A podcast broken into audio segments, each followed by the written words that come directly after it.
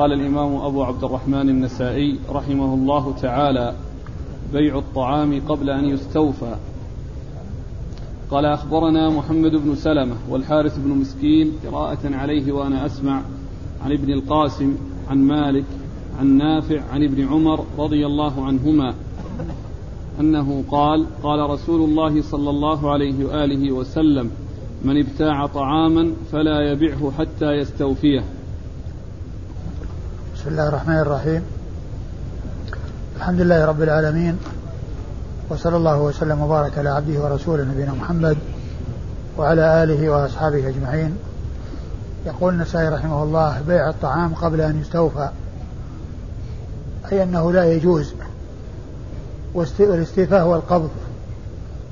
يعني كل إنسان يقبضه ويحوزه هذا هو المراد بالاستيفاء. والمقصود من الترجمة أن أنه لا يجوز بيعه إذا اشتراه حتى يستوفيه أي يقبضه ويحوزه وعند ذلك يتصرف فيه بالبيع. أما قبل ذلك فليس له ذلك. والترجمة تتعلق بالطعام لأنه ورد ذكره في الحديث. وقد أورد النسائي حديث عبد الله بن عمر رضي الله تعالى عنهما أن النبي صلى الله عليه وسلم قال من ابتاع طعاما فلا يبيعه حتى يستوفيه. من ابتاع أي من اشترى طعاما فلا يبيعه حتى يستوفيه أي حتى يقبضه ويحوزه.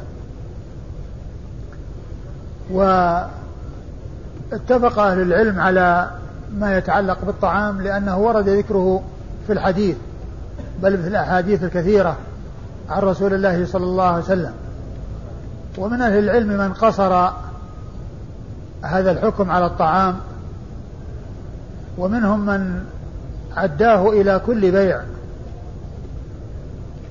وهو الذي سيأتي في كلام ابن عباس رضي الله تعالى عنه رضي الله تعالى عنهما ما يدل على أن غير الطعام مثله سواء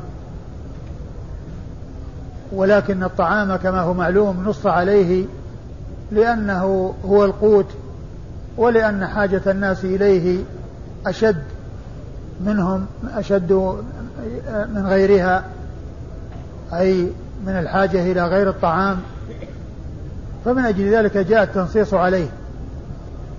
ومن أهل العلم من قال بأنها تكون في كل شيء إلا في العقار وذلك أن العقار غير منقول ولا يمكن استيفاؤه بالنقل.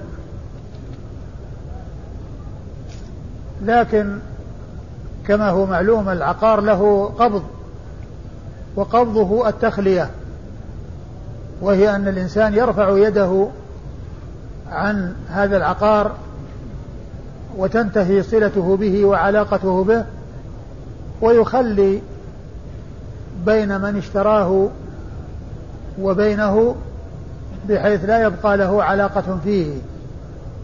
وعلى هذا فالقول بأنه لا يباع الشيء إلا بعد قبضه واستيفائه ويكون عاما وقبض كل شيء بحسبه هذا هو الأظهر نعم والإسناد؟ قال أخبرنا محمد بن سلمة. محمد بن سلمة المرادي المصري ثقة أخرج حديث مسلم وأبو داود والنسائي وابن ماجه. والحارث بن مسكين. والحارث بن مسكين أيضا المصري ثقة أخرج حديثه أبو داود والنسائي. عن ابن القاسم. عن ابن القاسم عبد الرحمن بن القاسم وهو ثقة أخرج حديثه البخاري وأبو داود في المراسيل والنسائي. عن مالك, عن مالك بن أنس إمام دار الهجرة المحدث الفقيه الإمام المشهور أحد أصحاب المذاهب الأربعة. المشهورة من مذاهب أهل السنة وحديثه أخرجه أصحاب الكتب الستة. النافع. النافع مولى بن عمر وهو ثقة أخرج له أصحاب الكتب الستة. عن عبد الله بن عمر بن الخطاب رضي الله تعالى عنهما وهو أحد العبادلة الأربعة من أصحاب النبي صلى الله عليه وسلم وأحد السبعة المعروفين بكثرة الحديث عن النبي صلى الله عليه وسلم. قال أخبرنا محمد بن سلمة قال أنبأنا ابن القاسم عن مالك عن عبد الله بن دينار عن عن عبد الله بن عمر رضي الله عنهما أن رسول الله صلى الله عليه وآله وسلم قال من ابتاع طعاما فلا يبعه حتى يقبضه. ثم ورد النسائي حديث ابن عمر من طريق أخرى من ابتاع طعاما فلا يبيعه حتى يقبضه. وهو يوضح معنى الاستيفاء في الرواية السابقة وأنها القبض وكذلك أيضا مع كونه يقبضه يحوزه ولا يبقيه في مكانه الذي تم شراءه فيه يعني حيث يكون اشتراه من من تاجر أو من بائع فيحوزه إلى ما يخصه أو إلى مكان آخر يختص به. و والإسناد محمد بن سلمة مر ذكره. وابن القاسم عن وابن القاسم وابن ومالك مر ذكرهم. عن عبد الله بن دينار المدني مولى عبد الله بن عمر وهو ثقة أخرج له أصحاب الكتب الستة. عن عبد الله بن عمر وقد مر ذكره. قال أخبرنا أحمد بن حرب. قال حدثنا قاسم عن سفيان عن ابن طاووس عن أبيه عن ابن عباس رضي الله عنهما أنه قال قال رسول الله صلى الله عليه وآله وسلم من ابتاع طعاما فلا يبيعه حتى يكتاله.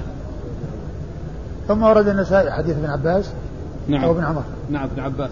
ثم ورد النسائي حديث ابن عباس رضي الله تعالى عنهما أن النبي صلى الله عليه وسلم قال من ابتاع طعاما فلا يبيعه حتى يكتال حتى يكتال نعم. حتى يكتال يعني أن, أن أنه آه، آه، يكيله ويقبضه. وليس المقصود من ذلك مجرد آه، الكيل أو أن هذا لابد فيه من الكيل بل لو كان جزافا وغير وغير مكيل ولا يحتاج إلى كيل فإنه كذلك لا يبيعه حتى يقبضه أي بمعنى أنه يحوزه. والمقصود هنا بالكيل يعني الكيل والقبض والاستيفاء وليس مجرد يعني كونه يكيله ويبقيه في مكانه. نعم. قال أخبرنا أحمد بن حرب. أحمد بن حرب الموصلي ثقة صدوق. صدوق أخرج حديثه النسائي وحده. عن قاسم. عن قاسم بن يزيد الموصلي وهو ثقة أخرج حديثه النسائي وحده. عن سفيان. عن سفيان هو الثوري سفيان بن سعيد المسروق الثوري ثقة فقيه. وصف بأنه أمير المؤمنين في الحديث وحديثه أخرجه أصحاب الكتب الستة. عن ابن طاووس عن عن ابن طاووس. عن ابن طاووس عبد الله بن طاووس. وهو ثقة أخرجه أصحاب الكتب الستة. عن أبيه طاووس بن كيسان أيضا ثقة أخرجه أصحاب الكتب الستة.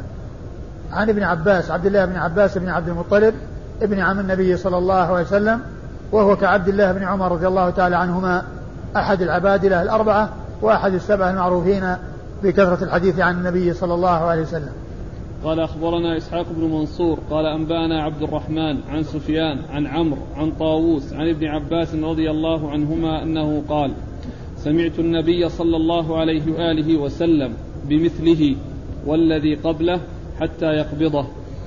ثم ورد النسائي حديث ابن عباس من طريق أخرى وهو مثل ما تقدم قال بمثله أي بمثل ما تقدم والذي قبله حتى يقبضه حتى يقبضه. فلا أدري هل المقصود بقوله حتى يقبضه أن اللفظ يعني يختلف عن الذي قبله وأنه الفرق بينه وبين الذي قبله حتى يقبضه وتكون موافقة للذي للذي قبل المتقدم يعني الذي هو عن ابن عمر رضي الله تعالى عنهما. وهو مثل مثل الذي قبله يعني لا بد من الاستيفاء والقبض والحوز. نعم. قال أخبرنا إسحاق بن منصور. إسحاق بن منصور الكوسج ثقة أخرج له أصحاب الكتب الستة إلا أبا داود عن عبد الرحمن عن عبد الرحمن بن مهدي البصري ثقة أخرج له أصحاب الكتب الستة عن سفيان عن عمرو عن سفيان هو الثوري وقد مر ذكره وعمرو هو بن دينار ثقة أخرجه أصحاب الكتب الستة. عن طاووس عن ابن عباس. عن طاووس عن ابن عباس وقد مر ذكرهما. قال أخبرنا قتيبة قال حدثنا سفيان عن ابن طاووس عن طاووس أنه قال سمعت ابن عباس رضي الله عنهما يقول أما الذي نهى عنه رسول الله صلى الله عليه وآله وسلم أن يباع حتى يستوفى الطعام ثم ورد النسائي حديث ابن عباس من طريق أخرى أما أما الذي نهى رسول الله صلى الله عليه وسلم حتى يستوفى الطعام ولكنه جاء عن ابن عباس أنه قال لا أحسب غيره إلا مثله. يعني أن الأمر لا يختص بالطعام. النص ورد في الطعام وغير الطعام يقاس على الطعام. ولكن الطعام نص عليه لأنه هو القوت والذي حاجة الناس به دائما وأبدا. نعم. قال أخبرنا قتيبة. قتيبة بن سعيد بن جميل بن طريف البغلاني ثقة أخرجه أصحاب كتب الستة. عن سفيان. عن سفيان هو بن عيينة. المكي ثقة أخرجه أصحاب كتب الستة. عن ابن طاووس عن طاووس عن ابن عباس. وقد مر ذكر الثلاثة. قال أخبرنا محمد بن رافع قال حدثنا عبد الرزاق قال حدثنا معمر. عن ابن طاووس عن أبيه عن ابن عباس رضي الله عنهما أنه قال قال رسول الله صلى الله عليه وآله وسلم من ابتاع طعاما فلا يبيعه حتى يقبضه قال ابن عباس فأحسب, فأحسب أن كل شيء بمنزلة الطعام ثم ورد النسائي حديث ابن عباس رضي الله عنهما من طريق أخرى وهو مثل ما تقدم وفيه كلام ابن عباس أنه يحسب أن كل شيء غير الطعام هو بمنزلة الطعام يعني معناه أنه له حكمه وأنه يقاس عليه يعني فيقاس يعني آه، ما لم يذكر على ما ذكر وإنما نص على الطعام لأن لأن لأن آه، لأن حاجة الناس إليه أشد يعني منها من غير من الحاجة إلى غيره. فلهذا نص عليه ولكن غيره كما كما فهم ذلك ابن عباس رضي الله عنه أن غيره يكون مثله. يعني بأنه يحتاج إلى قبض. نعم. قال أخبرنا محمد بن رافع. محمد بن رافع النيسابوري القشيري. هو شيخ لمسلم وهو مثله في النسب ومثله في البلد. فمسلم نيسابوري وهذا نيسابوري ومسلم قشيري يعني من قبيلة قشيري وهذا كذلك قشيري. وهو ثقة أكثر عنه الإمام مسلم وحديثه أخرجه أصحاب الكتب الستة إلا ابن ماجه. عن عبد الرزاق. بن همام الصنعاني اليماني. ثقة أخرج له أصحاب الكتب الستة. عن معمر ابن راشد الأزدي البصري ثم اليماني وهو ثقة أخرج له أصحاب الكتب الستة. عن ابن طاووس عن, عن ابن طاووس عن عن عن أبيه عن ابن عباس. عن أبيه عن ابن عباس وقد مر ذكرهم. قال أخبرني إبراهيم بن الحسن عن حجاج بن محمد. قال قال ابن جريج أخبرني عطاء عن صفوان بن موهب أنه أخبره عن عبد الله بن محمد بن صيفي عن حكيم بن حزام رضي الله عنه أنه قال قال رسول الله صلى الله عليه وآله وسلم لا تبع طعاما حتى تشتريه وتستوفيه. ثم أورد النسائي حديث ابن حديث حكيم بن حزام رضي الله عنه وهو بمعنى ما تقدم من حديث ابن عباس وابن عمر لا لا تبع طعاما حتى تشتريه وتستوفيه. يعني أنه بعدما يتم شراؤه ويتم استيفاؤه وقبضه وحوزه عند ذلك يتصرف فيه بالبيع. أما قبل قبضه وحوزه فليس له أن يتصرف فيه بالبيع. قال أخبرنا إبراهيم بن الحسن. إبراهيم نعم. إبراهيم بن الحسن المصيصي وهو ثقة أخرج حديثه النسائي أبو داود والنسائي. عن حجاج بن محمد. عن حجاج بن محمد المصيصي أيضا وهو ثقة أخرجه أصحاب كتب الستة. عن ابن جريج. عن ابن جريج وهو عبد الملك بن عبد العزيز بن جريج المكي. ثقة فقيه يرسل ويدلس وحديثه أخرجه أصحاب كتب الستة. عن عطاء. عن عطاء بن أبي رباح المكي. وهو ثقة أخرجه أصحاب كتب الستة. عن صفوان بن موهب. عن صفوان بن موهب وهو مقبول أخرج حديثه النسائي وحده. عبد الله بن محمد. بن صيفي عبد الله بن محمد بن عن عبد الله بن محمد بن صيفي وهو مقبول أيضا أخرج حديثه النسائي وحده. حكيم بن حزام. عن حكيم بن حزام رضي الله تعالى عنه صاحب رسول الله صلى الله عليه وسلم وحديثه أخرجه أصحاب الكتب الستة. قال أخبرنا إبراهيم بن الحسن وكون في وكون فيه مقبول آه، آه، فيه اثنان وصف كل من هو بأنه مقبول يعني معناه أن حتى يتابع لا يؤثر لأن الأحاديث التي مرت كلها شاهدة له وكلها بمعناه فهو ثابت ولم يحصل الانفراد من هذين الشخصين بل وجد ثابتا من طرق صحيحة عن رسول الله صلى الله عليه وسلم.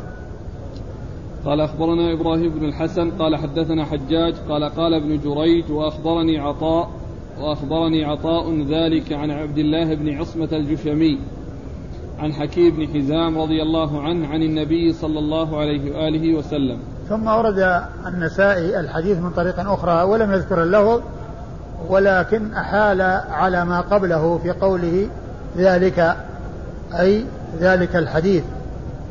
آه نعم.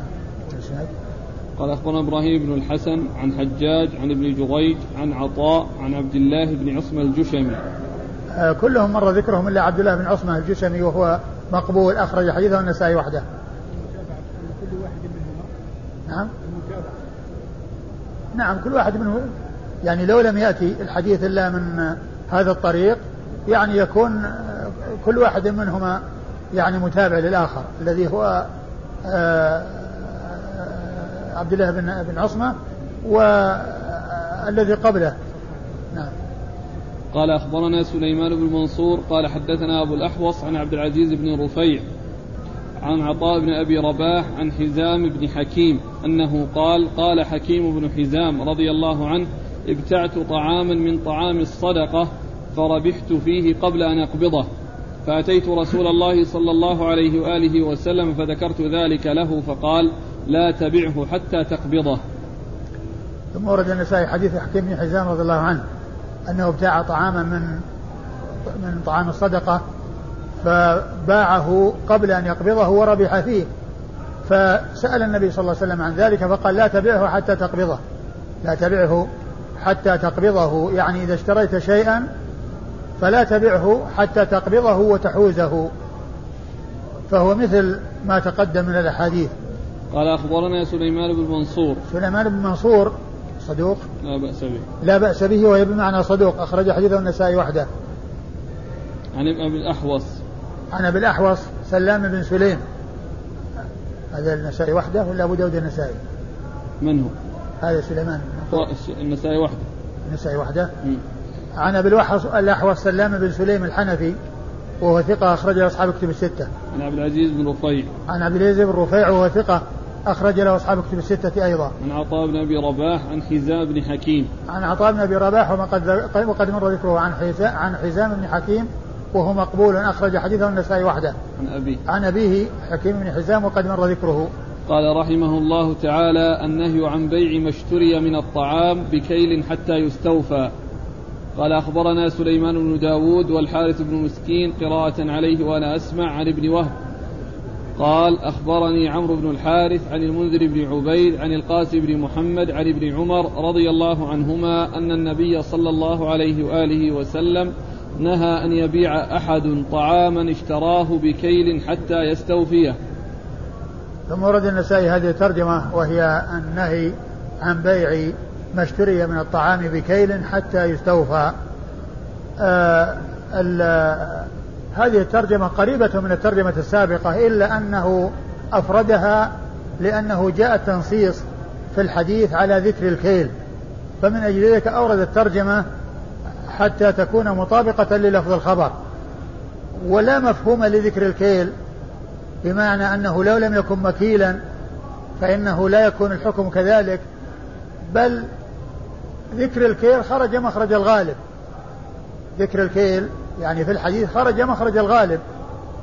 وإلا فإنه فإن الذي أطلق ولم يحدد بكيل يعني آه لا بد من استيفائه بل والذي هو جزاف غير مكيل أيضا لا بد من استيفائه. وإذا فيكون ذكر المكيل أو الكيل أو اشتري بالكيل أنه خرج مخرج الغالب فلا يكون له مفهوم. بمعنى أنه إذا اشتراه جزافا أو أنه لم يعني آه، آه، يتم عن طريق الكيل أنه لا يكون كذلك بل الأمر في ذلك واسع والأمر في ذلك عام ولا يتقيد الاستيفاء فيما اشتري بالكيل والذي لم لم يعني يكون بالكيل لا يكون كذلك بل ما كان بالكيل وما كان بغيره كله على حد سواء. وأورد النسائي حديث عبد الله بن عمر رضي الله عنهما وهو مطابق للترجمة. إيش قال؟ إذا, إذا اشترى. المتن. أن النبي صلى الله عليه وسلم نهى أن يبيع أحد طعاما اشتراه بكيل حتى يستوفيه أن النبي صلى الله عليه وسلم نهى أحدا اشترى طعاما بكيل أن يبيعه حتى يستوفيه. يعني ذكر الكيل كما عرفنا ليس له مفهوم بل خرج مخرج الغالب. ولهذا سيأتي أنه يباع جزافا بدون كيل وأنه يحتاج إلى قبض وحوز. نعم. قال أخبرنا سليمان بن داود. سليمان بن داود هو المصري أبو الطاهر المصري وهو ثقة. أبو, أبو من؟ أبو طاهر وأبو الربيع. أبو الربيع. أبو الربيع المصري وهو صدوق؟ لا ثقة. ولا ثقة؟ ثقة أخرج حديث أبو داود والنسائي. والحارث بن مسكين عن ابن وهب. الحارث بن مسكين مر ذكره بن وهب عبد الله بن وهب المصري ثقة فقيه أخرج له أصحاب كتب الستة. عن عمرو بن الحارث. عن عمرو بن الحارث المصري ثقة أخرج له أصحاب كتب الستة. عن المنذر بن عبيد. عن المنذر بن عبيد وهو مقبول أخرج حديثه أبو داود والنسائي. عن القاسم بن محمد. عن القاسم بن محمد بن أبي بكر الصديق وهو أحد السبعة أحد فقهاء المدينة السبعة في عصر التابعين. و والفقهاء السبعة في عصر التابعين ستة متفق على عدهم في الفقهاء السبعة وواحد والسابع اختلف فيه على أقوال ثلاثة. والمتفق عليهم هم القاسم بن محمد هذا وعروة بن الزبير بن العوام وخارجة بن زيد بن ثابت و وسعيد بن المسيب وسليمان بن يسار وعروة بن الزبير هؤلاء وعبيد الله بن عبد الله بن عتبة بن مسعود هؤلاء ستة متفق على عدهم في الوقع السبعة. والسابع فيه ثلاث أقوال. قيل إن السالم سالم السابع سالم بن عبد الله بن عمر بن الخطاب وقيل السابع أبو سلمة بن عبد الرحمن بن عوف وقيل السابع أبو بكر بن عبد الرحمن بن الحارث بن هشام. عن ابن عمر. عن ابن عمر وقد مر ذكره. قال رحمه الله تعالى بيع ما يشترى من الطعام جزافا قبل أن ينقل من مكانه. قال أخبرنا محمد بن سلمة والحارث بن مسكين قراءة عليه وأنا أسمع واللفظ له عن ابن القاسم. قال حدثني مالك عن نافع عن عبد الله بن عمر رضي الله عنهما أنه قال كنا في زمان رسول الله صلى الله عليه وآله وسلم نبتاع الطعام. فيبعث علينا من يأمرنا بانتقاله من المكان الذي ابتعنا فيه إلى مكان سواه قبل أن نبيعه. من الصحابي عبد الله بن عمر. وترجمه شيء بيع ما يشترى من الطعام جزافا قبل أن ينقل من مكانه. بيع ما يشترى من الطعام جزافا قبل أن ينقل من مكانه أي أنه لا يجوز. والجزاف هو بدون كيل يعني صبرة كومة من الطعام تشترى جزافا. بكذا ريال. سائق لأن هذا ليس يعني المحذور هو إذا بيع طعام بطعام. وأما إذا بيع يعني بالدراهم والدنانير فإن يعني ذلك كما هو واضح لا إشكال فيه لأن هذه العمل. وأما إذا بيع بنوع آخر يعني من الطعام لا بد من التقابض. وأما بالنسبة للبيع بالدراهم والدنانير ما يحتاج ما يلزم التقابض. لا يلزم التقابض لأن هذه أثمان. هذه أثمان ولهذا يجوز الشراء بالناجز وبالآجل. والدراهم والدنانير إذا اشتري بها شيء ليست من قبيل الربويات بمعنى أن يعني لا بد من التقابض. أو لا بد من التقابض لا. وإنما التقابض إذا كان طعام بطعام من جنس آخر لا بد من التقابض. وإن كان بطعام من جنسه لا بد من التساوي ولا بد من التقابض. فأورد النسائي حديث ابن عمر أن النبي النبي صلى الله عليه وسلم نهى. كنا قال كنا نشتري. كنا في زمان النبي صلى الله عليه وسلم نبتاع الطعام. فيبعث علينا من يأمرنا بانتقاله من المكان الذي ابتعنا فيه إلى مكان سواه قبل أن نبيعه. نعم يعني كنا نبتاع الطعام في زمن رسول الله صلى الله عليه وسلم فيبعث, فيبعث إلينا من يأمرنا بأن لا بأن لا نبيعه حتى ننقله إلى مكان سواه. يعني أنه لا بد من حوزه ونقله. وهذا يبين لنا أن الحوزة أو أن الاستيفاء ليس مجرد الكيل وليس مجرد القبض وهو في مكانه بل لابد من تحويله إلى مكان آخر. بل لابد من تحويله إلى مكان آخر سواء كان جزافا أو مكيلا أو أي شيء مبيع فإن الإنسان لا يتصرف فيه بالبيع إلا إذا حازه ونقله من المكان الذي تم الشراء فيه. وقوله يأمر يبعث إلينا ما يأمرنا. استدل به على أن هذا يعني أصل في آه الاحتساب وهو الذي يأتي صاحب الحسبة الذي يتولى الإشراف على البيع والشراء وعلى الموازين والمكاييل ويعني آه، آه، صحة المبايعات والمعاملات بين الناس الذي يقال له المحتسب. والعمل الذي يقال له الحسبة قالوا هذا أصل في مشروعية يعني هذا العمل. نعم. قال أخبرنا محمد بن سلمة والحارث بن مسكين عن ابن القاسم عن مالك عن نافع عن عبد الله بن عمر. وقد مر ذكر هؤلاء جميعا. قال أخبرنا عبيد الله بن سعيد قال حدثنا يحيى عن عبيد الله قال أخبرني نافع عن ابن عمر رضي الله عنهما أنهم كانوا يبتاعون على عهد رسول الله صلى الله عليه وآله وسلم في أعلى السوق جزافا فنهاهم رسول الله صلى الله عليه وآله وسلم أن يبيعوه في مكانه حتى ينقلوه. ثم ورد النسائي حديث ابن عمر وهو مثل الذي قبله. نعم. قال أخبرنا عبيد الله بن سعيد. عبيد الله بن سعيد السرخسي اليشكري ثقة أخرج له البخاري ومسلم والنسائي.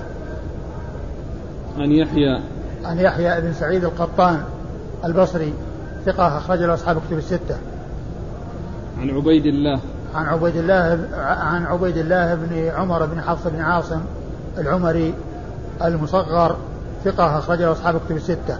عن نافع عن ابن عمر. عن نافع عن ابن عمر وقد مر ذكرهما.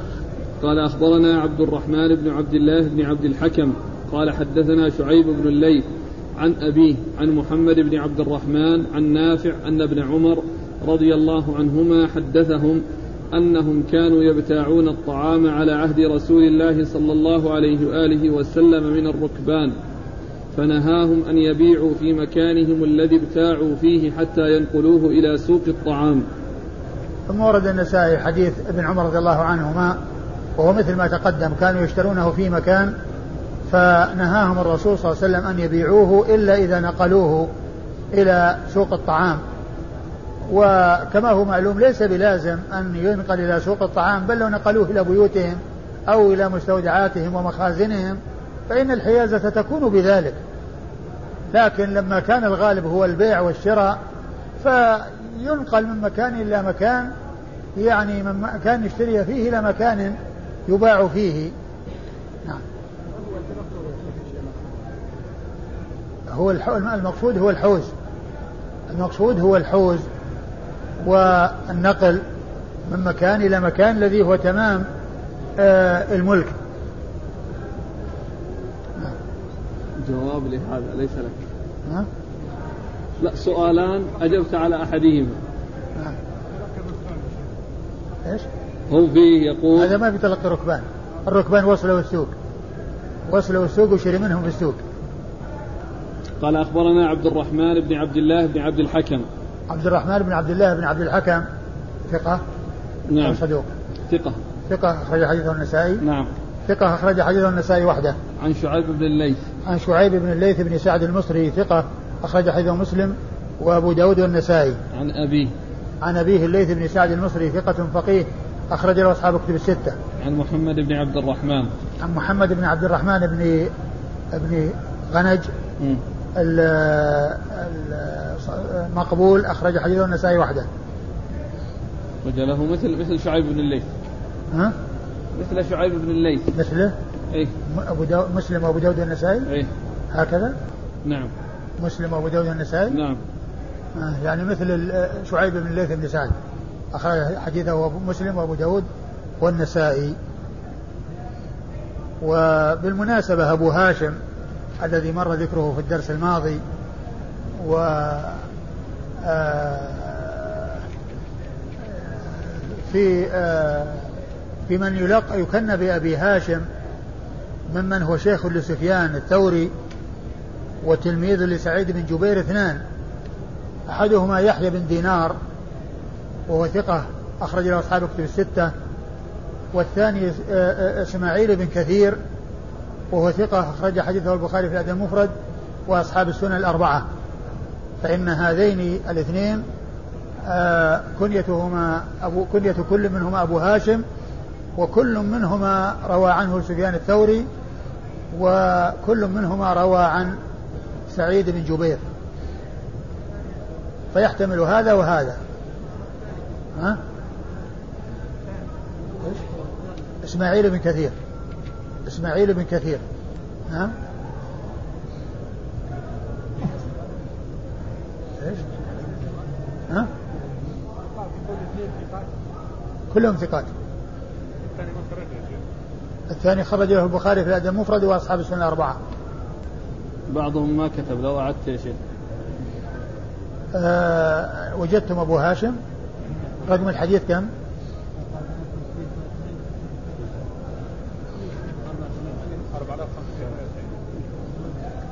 أربعة آلاف وخمسمائة وتسعة وتسعين. آه، أبو هاشم يعني الذي في هذه الطبقة اثنان أحدهما يحيى بن دينار يروي عنه سفيان الثوري ويروي عن سعيد بن جبير وهو ثقة أخرج حديث أصحاب كتب الستة. والثاني إسماعيل بن كثير وهو ثقة أخرج له البخاري في الأدب المفرد وأصحاب السنن الأربعة. آه كذلك آه في حديث سبق أن مضى 4500 واحد أظنه الذي في المصرات في المصرات 4500 واحد. يعني هذا هو الحديث 4500 واحد. أيوة من محفلة. ها. أو مصرات وجدتموه. إيش لفظه؟ من ابتاع محفلة أو مصراة فهو بالخيار ثلاثة أيام. إن شاء أن يمسكها أمسكها وإن شاء أن يردها ردها وصاع من تمر لا سمراء. نعم يعني فيه ذكر الخيار ثلاثة أيام. والحديث في صحيح مسلم بلفظ الثلاثة. و آه، الحديث ذكر في في آه، الضعيف ضعيف النسائي للألباني والذي يبدو أن ذكره يعني آه، خطأ لأن الذي يبدو أن الألباني لما كتب عليه قال يعني قال مسلم والبخاري نحوه دون ذكر دون ذكر ثلاثة الأيام فالاستثناء هذا لا يعني أنه غير صحيح الثلاثة الأيام وإنما يعني أن أنه يعني ليس في البخاري ذكر ثلاثة الأيام. نحوه إلا أنه ليس فيه ثلاثة الأيام. فإرادة الضعيفة يعني الذي يبدو أنه خطأ. يعني هو موجود في الصحيح أو مورد في الضعيف. قالوا صحيح ويعني رمز المسلم والبخاري نحوه دون ذكر الثلاثة. فقد يفهم من هذا أن الثلاثة هذه يعني أنها غير صحيحة. أنها غير صحيحة. وهي وهي في مسلم. ويعني البخاري فيه نفس اللفظ لكن ليس في ذكر الثلاثة. فالذي يبدو أن ذكره أو أن إراده في الضعيفة يعني أنه ليس في محله. والألباني ما كان جمع الضعيفة على حدة والصحيحة على حدة وإنما كان يعلق على النسخة ويكتب يعني أمام كل حديث ما يتعلق به. ثم الذي آه، تولى تمييز هذا من هذا هو الذي فصل هذا على حدة وهذا على حدة.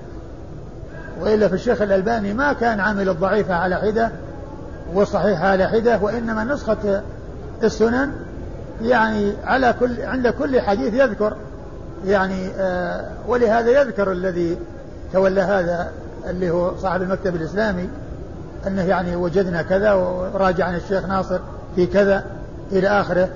يعني مما يشعر بأن هذا الفرز وهذا التمييز عمل صاحب المكتب الإسلامي. فالحديث يعني إرادة يعني في الضعيفة يعني ليس يعني بواضح لأن الحديث في صحيح مسلم والذكر الثلاث يعني يبدو أنه من أجل أن البخاري نحوه إلا إلا الثلاثة يعني ليس في ذكر الثلاثة. قال أخبرنا نصر بن علي قال حدثنا يزيد عن معمر عن الزهري عن سالم عن أبيه رضي الله عنه أنه قال رأيت الناس يضربون على عهد رسول الله صلى الله عليه وآله وسلم إذا اشتروا الطعام جزافا أن يبيعوه حتى يؤوه إلى رحالهم. ثم أورد النسائي حديث ابن عمر رضي الله تعالى عنهما قال رأيت الناس يضربون إذا ابتاعوا الطعام جزافا حتى ينقلوه إلى رحالهم يعني حتى يحوزوه وينقلوه. وقوله يضربون يعني هذا فيه دليل على يعني آه، قيام المحتسب بمتابعة الناس في بيوعهم وتأديب من يحصل منه المخالفة وتأديب من يحصل منه المخالفة ولو كان ذلك بالضرب. نعم. قال أخبرنا نصر بن علي. نصر بن علي ابن نصر بن علي الجهضمي ثقة أخرج له أصحاب كتب الستة. عن يزيد. عن يزيد بن زريع وهو ثقة أخرج له أصحاب كتب الستة. عن معمر عن الزهري. عن معمر عن الزهري عن معمر مر ذكره هو الزهري محمد بن مسلم ابن محمد بن مسلم بن عبد الله بن شهاب الزهري ثقة أخرجه أصحاب كتب الستة. عن سالم عن, عن سالم عن عن سالم بن عبد الله بن عمر بن الخطاب رضي الله عنهما وحديثه وهو ثقة فقيه أحد فقهاء المدينة السبعة على أحد الأقوال الثلاثة في السابع منهم كما أشرت إلى ذلك آنفا عن أبيه وقد مر ذكره. قال رحمه الله تعالى الرجل يشتري الطعام إلى أجل ويسترهن البائع منه بالثمن رهنا.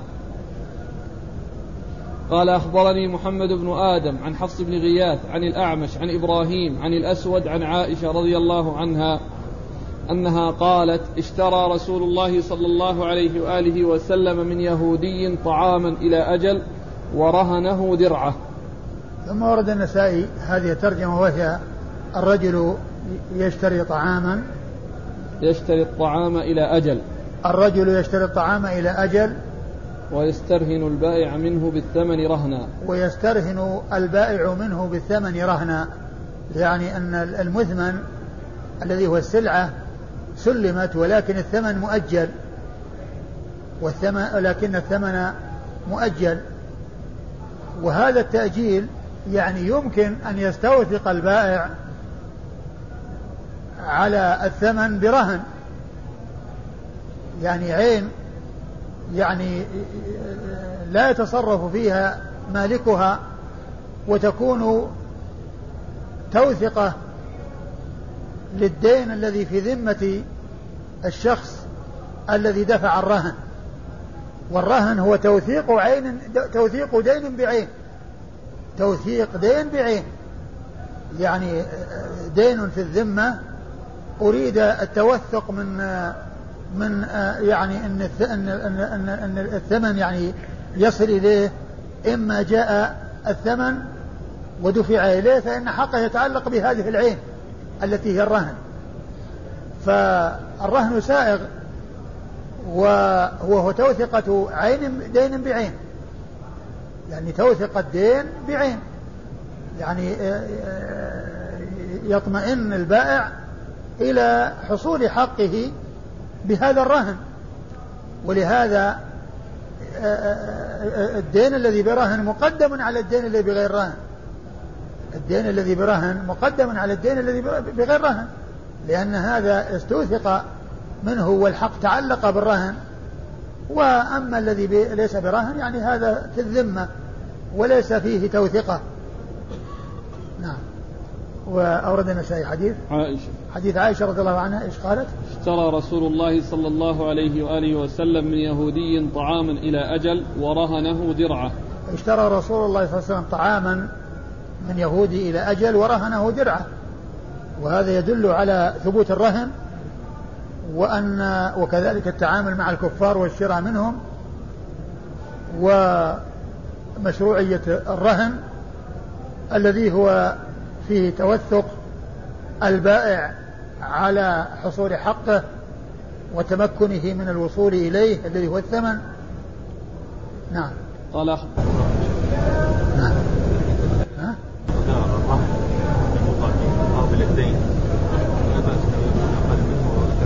لا هو على كل هم إذا اتفقوا على أنه أقل أو أكثر أو مساوي ما في بأس ولو أنهم اتفقوا على أنه يعني ما في رهن ما في بأس. آه، آه، لو كان أقل أيضا ما في بأس لأنه يعني فيه آه، التوثق على سلامة بعض الحق.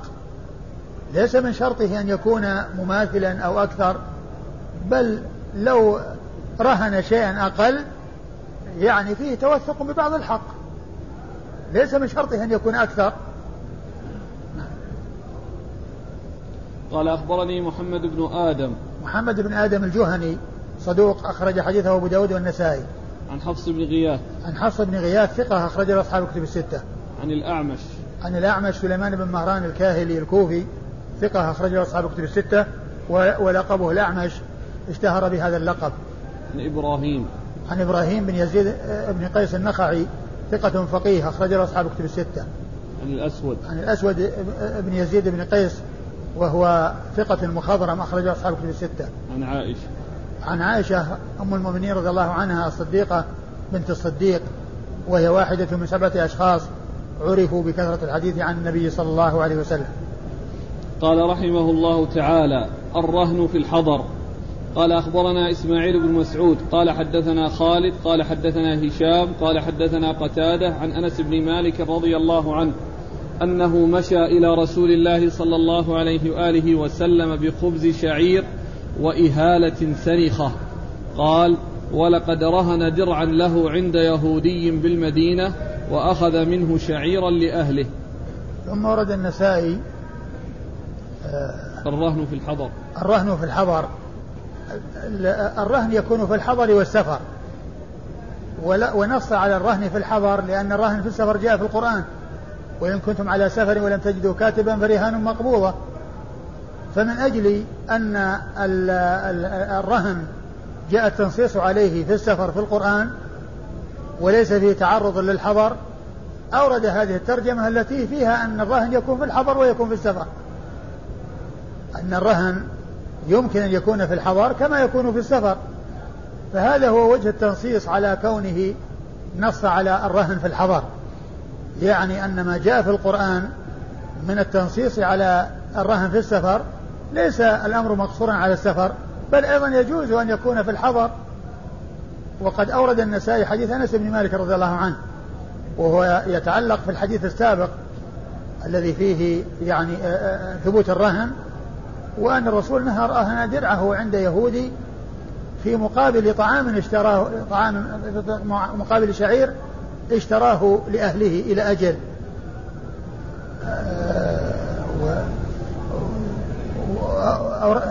حديث حديث من أنس.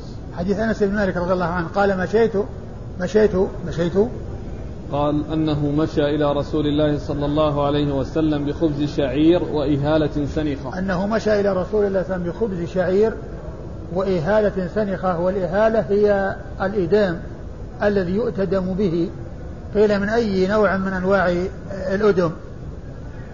وقيل يعني فيه تخصيص الإهالة بنوع من أنواع الأدم وهي الألية والشحم المذاب وقيل السمن الجامد وسنخة يعني قد تغيرت الرائحة يعني حصل فيه رائحة متغيرة.